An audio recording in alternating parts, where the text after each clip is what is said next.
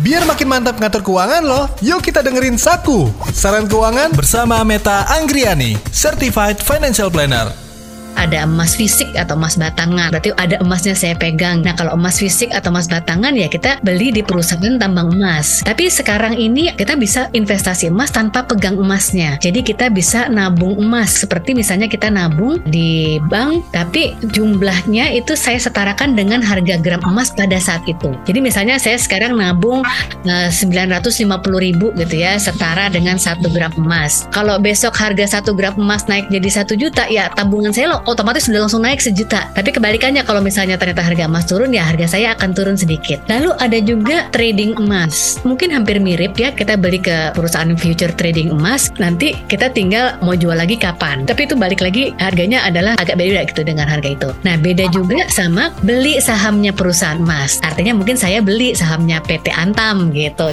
Itu dia Saku, saran keuangan. Dengerin terus Saku saran keuangan lainnya hanya di Motion 975 FM.